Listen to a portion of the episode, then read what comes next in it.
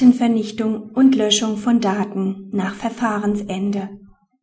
Das Kammergericht hat sich zu der Frage geäußert, unter welchen Voraussetzungen Akten über ein eingestelltes Verfahren zu vernichten bzw. elektronische Daten diesbezüglich zu löschen sind. Das Ermittlungsverfahren gegen den Antragsteller war nach 170 Absatz 2 StPO eingestellt worden. Nun begehrt er die Vernichtung der Akten sowie die Löschung seiner im automatisierten Verfahrensregister der Strafverfolgungsbehörden gespeicherten Daten. Das Kammergericht hat entschieden, dass ein gesetzlicher Anspruch auf Aktenvernichtung vor Ablauf der gesetzlichen Aufbewahrungsfrist, die hier fünf Jahre betrug, nicht besteht.